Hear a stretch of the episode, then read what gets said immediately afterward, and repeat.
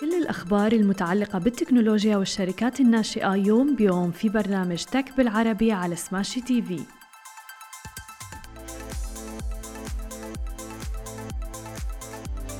صباح الخير وأهلا وسهلا فيكم ببرنامجكم تك بالعربي. معكم أنا هالة بسام ومعنا بخلف الكواليس علي. خلونا بداية نحكي عن أهم العناوين بأخبارنا لليوم. إنستغرام تختبر ميزة جديدة وصوت تستحوذ على فينيال ميديا وسمارت كراود تطلق منصة لتداول أسهم العقارات. وبداية أكيد بدنا نحكي عن مواقع التواصل الاجتماعي والميزات الجديدة اللي عم تختبرها منصة إنستغرام. مؤخرا وبالفترات الماضية لما شخص بده يعمل ريبوست أو إعادة مشاركة على منصة إنستغرام تحديدا ما فيكم تعملوها إلا بتطبيق آخر لحتى تقدروا تعملوا ريبوست لصورة أو لفيديو. ولكن الآن عم تستعد منصة التواصل الاجتماعي إنستغرام لاختبار خاصية جديدة بتتيح للمستخدم إعادة مشاركة معينة إلى مجموعة محددة من المستخدمين. وقال المتحدث باسم الشركة متى إنه عم ندرس إمكانية إعادة بث المشاركات في قسم الفيد الخاص في آه، المستخدمين كما يحدث في إعادة مشاركة المشاركات عبر قسم الستوريز. بحيث بيستطيع المستخدمون تبادل المشاركات المنتشرة بينهم وبالتالي تنسب المشاركة دائما إلى مبتكرها والشخص اللي عمل لها كرييت على المنصة. ونعتزم اختبار هذه الخاصية مع عدد محدود من المستخدمين قريبا. ويذكر أنه لا توجد حاليا مثل ما ذكرنا أي وسيلة بتتيح لمستخدمي منصة انستغرام إعادة بث أي مشاركة بطريقة مباشرة. وفعلا بيضطر المستخدمون للجوء لتطبيق آخر لكي يعيد بث مشاركة على المنصة. بخلاف منصات أخرى مثل مثلا لينكد إن فيسبوك وحتى تويتر اللي كتير سهل فيها أنه تعيدوا مشاركة التغريدة الصورة وغيرها. الآن إنستغرام عم تبحث بهذا الموضوع ومثل ما عم تشوفوا معنا بالصور أيضا أنه رح يكون في قسم خاص فيكم على التايم لاين الخاص فيكم آه، أو الفيد آه، الخاص بالمستخدم اللي رح يكون فيه إشارة الريبوست وبيبين فيه أنه هي البوستات هي اللي انعمل لها إعادة مشاركة على المنصة. أما إذا بدنا ننتقل إلى خبرنا التالي ونحكي عن عالم البودكاست تعلن الآن صوت عن استحواذها على فينيال ميديا وهي شركة إنتاج بودكاست حائزة على عدة جوائز ومقرها دبي. يعد هذا الاستحواذ نقل نوعية فعلا على صعيد محتوى صوت وجمهورها أيضا وفرصها التجارية. أنتجت فينيال ميديا بعض من أفضل برامج البودكاست الروائية باللغة العربية تحديدا إضافة إلى محتوى إبداعي لصالح علامات تجارية مختلفة وبتصل أهم برامج فينيال إلى ملايين المستمعين حتى الآن. من ضمنها طبعا بودكاست ألف ليلة وليلة الشهير وجحا وسندباد والصلة والقبو. مما سيدعم توسع صوت جماهيريا ويزيد أيضا من فرصها التجارية والإبداعية. مولت تكلفة الاستحواذ جزئيا من صوت وعبر صندوق الاستثمار لتطوير وسائل الإعلام اللي بيستثمر في وسائل الإعلام المستقلة حول العالم. وكل هذا بهدف تقديم الأخبار والمعلومات والنقاشات اللي بيحتاجها الناس لبناء مجتمعات حرة. وقد استثمر الصندوق في العديد من المؤسسات الإعلامية عن طريق تقديم رأس المال وأيضا الخدمات الاستشارية على مدى 25 عاما. صوت هي شركة رائدة في صناعة المحتوى الصوتي عالي الجودة وبتيح لبرامج البودكاست وكتب أيضا ومقالات صوتية مركزة تحديدا على جماهير الناطقين باللغة العربية. وتأسست المنصة بعام 2016 تحديدا. وجميل جدا أنه نشوف مثل هذه المنصات عم تحط إيدها بإيد واحدة للوصول لهدف واحد واللي هو مثل ما ذكرنا آه، فكر حر تحديدا في منطقتنا العربية. أما إذا بدنا ننتقل إلى آخر خبر معنا لليوم ونحكي عن منصة سمارت كراود تحديدا في دولة الإمارات العربية المتحدة أطلقت الآن منصة سمارت كراود الإماراتية والمتخصصة في التمويل الجماعي للعقارات أول سوق ثانوية لتداول أسهم العقارات. وبتمكن مستثمري القطاع من بيع وشراء أسهم الممتلكات العقارية بشكل آمن تحديدا في منطقة الشرق الأوسط وشمال أفريقيا. وقالت المنصة أيضا أنه هدفها من إطلاق السوق هو توفير المزيد من السيولة للمستثمرين الراغبين بالتخارج المبكر من استثماراتهم بالإضافة أيضا إلى إتاحة فرصة لشرائهم أسهم في العقارات عالية الأداء من بعضهم البعض. وتأسست منصة سمارت كراود في عام 2017 تحديدا وحصدت على 3 ملايين دولار أمريكي في أحدث جولاتها الاستثمارية منتصف العام. وبتقدم خدماتها للاستثمار في الأصول والعقارات عبر إتاحة الفرص أمام المستثمرين إلى الوصول لاستثمارات عقارية موثوقة وأيضا الاستفادة من عائد بيعها وإيجارها بالإضافة إلى تداول الأسهم العقارية عبر سوقها الثانوية اللي أطلقتها مؤخراً. هذه كانت كل أخبارنا الصباحية لليوم خليكم معنا بعد الفاصل مقابلتنا مع دكتور أماندا بيترز في الحديث عن إدارة فريق العمل تحديدا أثناء الورك فروم هوم أو العمل من المنزل خليكم معنا ولا تروحوا لبعيد Okay, guys, we love smashy business news, but Augustus Media is much more than that. That's right, we are a content house, and along with Smashy, Augustus Media creates heaps of content, like the Love in Dubai show. I'm Casey, that's Simran. We're your hosts of the Love in Dubai show. And we're back with our guest, Dr. Amanda Peters. Welcome to the show, Doctor. Hi, Hala. It's fantastic to be here on Smashi TV. Uh, thank you so much. The pleasure is ours. Today, we would like to talk about work from home, how everything was different, and the challenges as well. That it comes with a lot of challenges, especially for managers and how to manage a team, and especially if you have a big team as well. So, can you tell us more about it? about managing people in sort of remote and, and yes. hybrid environments. Yes. Of course. So um, I'm a professor of leadership at Hult International Business School. So leadership and managing people is kind of what I, study all the time. Um, I think there's really there's two important um, points to make about this topic. Um, the first is that these uh, different ways of working that we're witnessing now are here to stay. I know there's a lot of debate right now about should we go to the office yes. or shouldn't we, but as a behavioral scientist, and that's my primary academic discipline, uh, what I the message I want to spread is um, that things have changed. When people en masse experience a large change, they don't simply just go back to exactly what they were doing before. And so, while in the 1950s, you know, we might have had this one mode of operation, which is people lived in the suburbs, they drove to their office, they saw people face to face, they drove home. In the 2050s, we're only going to see even more forms of interaction with customers and teams and managers and than what we see today. And so this is the way of the future. It doesn't mean that every person is going to get to work from home, but it does mean that out there in the world of work, we'll have a whole variety of different ways of interacting. And strong people, of course, will always be looking for the conditions that suit them best because your strong employees, the best people in the marketplace, they have options. So that's point number one. I think that's that's really important to establish. Human behavior has changed, and when people experience something that benefits them en masse, they don't tend to just revert to, to what they've done previously. But the second important point about this is that, therefore, if you are aiming to be a leader for now and for the future, that means that you add, need to add new tools into your toolkit. And that's what the work that I do at the business school and in my research is all about is how you can improve your current skill set so that you can work with people effectively, interactive uh, with them effectively, irrespective of the medium you're using. And so leadership, like managing people, is just making sure they deliver the things that they need to yes. deliver, you know, do this, do this task. But managing people is actually giving them, uh, sorry, leading people is actually giving them a sense of direction and a sense of belonging and a sense that they know why they're doing what they're doing.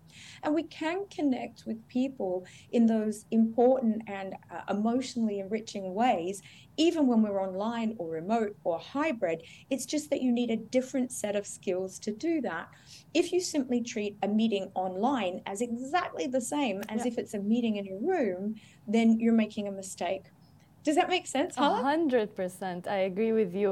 But however, can you give us like some um, tips and tricks for leaders, especially because leadership it can be challenging even in real life and in the physical world. So think about remotely and having a big team that you need to uh, lead remotely. So, what can a leader like do or have as skills uh, while managing a team remotely? Okay, so one of the most important aspects of being an effective leader and having people not just do the things you tell them to do, but contribute as much as they're able to contribute willingly and happily because they're enjoying it, is having this sense of affiliation with your employees. And actually, this, according to my model of working with influence, the nine principles of influence and persuasion, is principle number three, and it's uh, it's called affiliation. And what it means is that sense that people have that you're all on the same side. Now, you can't create that by just saying, oh, yeah, we're on the same team, you know, yes. you know, you work for me, we're part of the same group. You have to literally um, engage in activities that make people feel you are on their side. And so when you're uh, interacting with people over Zoom, uh, it's a different mode of uh, interaction, you don't have, um, uh, firstly, there's a higher level of stress often for people when they can see their own faces. Um, the simulated distance between us and other people when we're online is actually um, close. And at a subconscious level, it leads us to be that little bit stressed because, so particularly true. if we're interacting. Yeah yeah, if we're interacting with people we don't know that well, they're a bit too close, sort of, for our, our um, subconscious brains. And they can see our home and. Exactly. All of these things can add stress.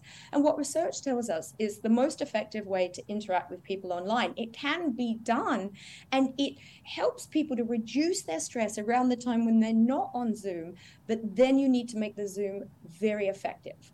So you have people prepared in advance, and um, the, the one of the particular studies I'm thinking of suggests communicating in short, effective bursts. So you don't come online and start a meeting like you do in, in face-to-face where you can take your time and everyone's chatting and blah, blah, blah. What you do is you come online and you're ready to go. And you spend 10, 15 minutes interacting, maybe five minutes socializing, and then that's it, you're off. And you plan the meeting again um, for another time. Does that make sense? 100%. You mentioned something very important as well, which is like, let's talk about connecting with the team and socializing. How important it is for the leader to check up on the team.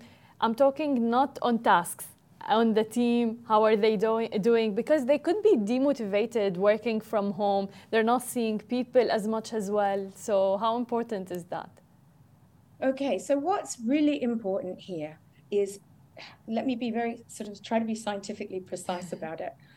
It's great if everybody's your friend, but you don't all have to be best friends yes. and you don't have to be up to date with the intimate details of their life, right? But what does matter is that at an unconscious, underlying level, people feel that you have their back. So it's this sense, and as I, I say, I use the term affiliation, the sense that the people around you, your manager, your leader, they have um, they're they're trying to help you, and so what your goal is is to create that in people. If your reaction when you see a group of people online is oh, and and this as I say again, this is at a subconscious level, so this is oh, these are like uh, how do I express it? Members of my tribe, yeah. right? It's a very, very deep seated thing from hundreds of thousands of years ago. Then I can have a positive experience interacting with those people. The issue when we're online is that because we're all very close and because all of our faces are so close together, at a subconscious level, that can be interpreted as aggressive. Yeah. And so you've got to think very clearly about reducing the aggressive symbols and actively introducing positive ones because some of that positive emotion that would be there in a face to face meeting is absent. It's taken out by the online and replaced with something that's a little bit more aggressive and hostile. So, as a leader, your goal is to inject a little bit more positivity and at the same time try to keep the focus a little bit stronger so that people are not spending long hours online in what is a potentially hostile environment. Yes. Does that make sense? Yes, of course, of course. And talking more about your book, you have a book that is about influencing people, which is online or even in person. How can you influence someone? Uh, through online and uh, especially in a work environment because now everything is online even on social media we have a lot of people who are trying to influence but as a leader how can i influence my team uh, online especially Okay, so the book, um, and I have a copy right here. um, let me just whoop, there we go. Yeah. Nope, I don't know how to bring it in. Yes, there, I brought it in. Great. Okay, so the book um, it is called Working with Influence: Nine Principles of Persuasion to Accelerate Your Career. And what this book includes is nine principles that help describe, from a science point of view, what are the things that affect your behavior and your decisions? What are the effect, things that affect your emotion and outcomes in the workplace? And so the idea here is that you can, by understanding what's already happening in people's brains, what actually affects their decisions and their outcomes and their actions, you can simply just tap into that now, people's brains are the same, whether they're live and face to face environments or whether they're online. And so these principles are still affecting the way that they're thinking. What will differ between whether you're meeting face to face or you're meeting online is exactly how you act on the principles. And the best analogy I can think of for understanding these sort of scientific principles is that if you're learning to drive a car, um, and your driving instructor teaches you how to how to drive the car forward and drive the car back, reverse and overtake and park. Those principles remain the same pretty much irrespective of what car you're driving. But you need to take this understanding of how a car works yes. and apply it to your specific situation, your car, your neighborhood, your roads. And that's where the work is to be done. So the idea and the, the, the, the offer behind the book is that by understanding these are the nine principles of um, persuasion that have the most um, relevance in a professional environment and a workplace, if you understand these principles and how people's brains work, then you can figure out how to apply them, whether you're meeting with someone face to face or you're meeting with them online. That's nice. And in general, in your experience, um, what's the biggest challenge for leaders? Like, is there a common challenge for leaders? I think the biggest challenge when it comes to influencing people uh-huh. is that we're not very good at understanding what influences us and what influences other people. So we think of ourselves as these very rational, logical people who are very factual, and that affects how we attempt to influence other people. So let's say that you have a meeting coming up, or you're going to meet with a client or a potential new employee, and you think, okay, this is how I want to influence them. What we know from research is that the, the things that you will start doing are really not as effective as you think they are because you think you're logical and rational. And so you come up with all of these really great logical, rational, factual explanations. What we know from science is that the more you try to convince somebody, the less likely they are to be convinced because their brain is aware that you're trying to convince them and they're listening to all your reasons. And people are not influenced by logical, factual reasons unless there's an emotional reason in the first place that makes them want to do the thing that you're asking them to do. Love it. So my best sorry go ahead. No no, no I, I, agree. I love it. Yeah exactly. The emotional element has to be there our brains are far more affected by emotion than we believe. We think we're very logical, re- uh, uh, uh, rational humans, but actually, most of our decisions are made on the basis of an underlying emotional effect. And the emotion that we're experiencing actually even um, determines what facts and what data we pay attention to. So the emotion comes first. Most of our thought is both rational and emotional, but the emotion comes first. And I think the most important thing as a leader attempting to influence people is to understand that how you make people feel is such an important aspect of the effect that you're having on them.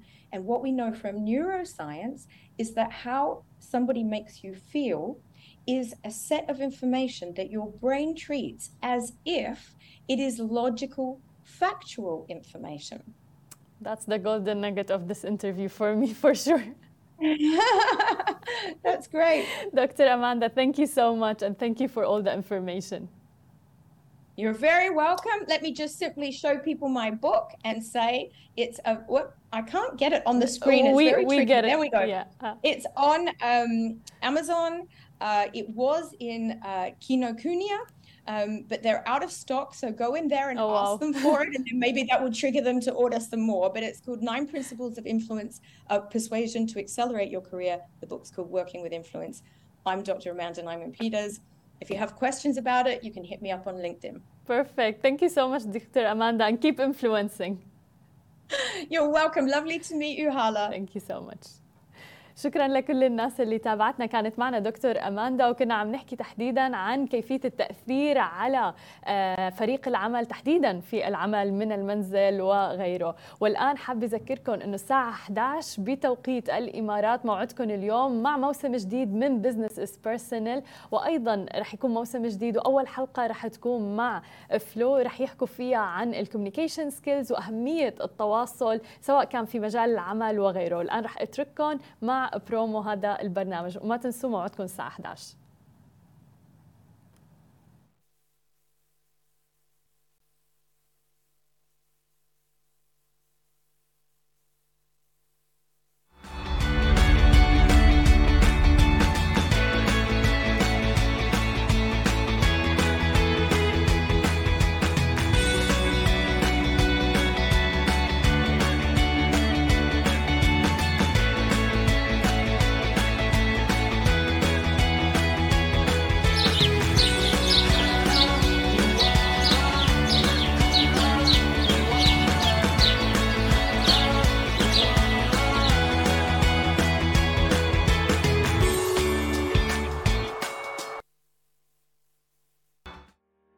مثل ما وعدناكم أخبار جديدة ومقابلات مع رواد أعمال يوميا في برنامج تك بالعربي على سماشي تي في. حملوا التطبيق الآن.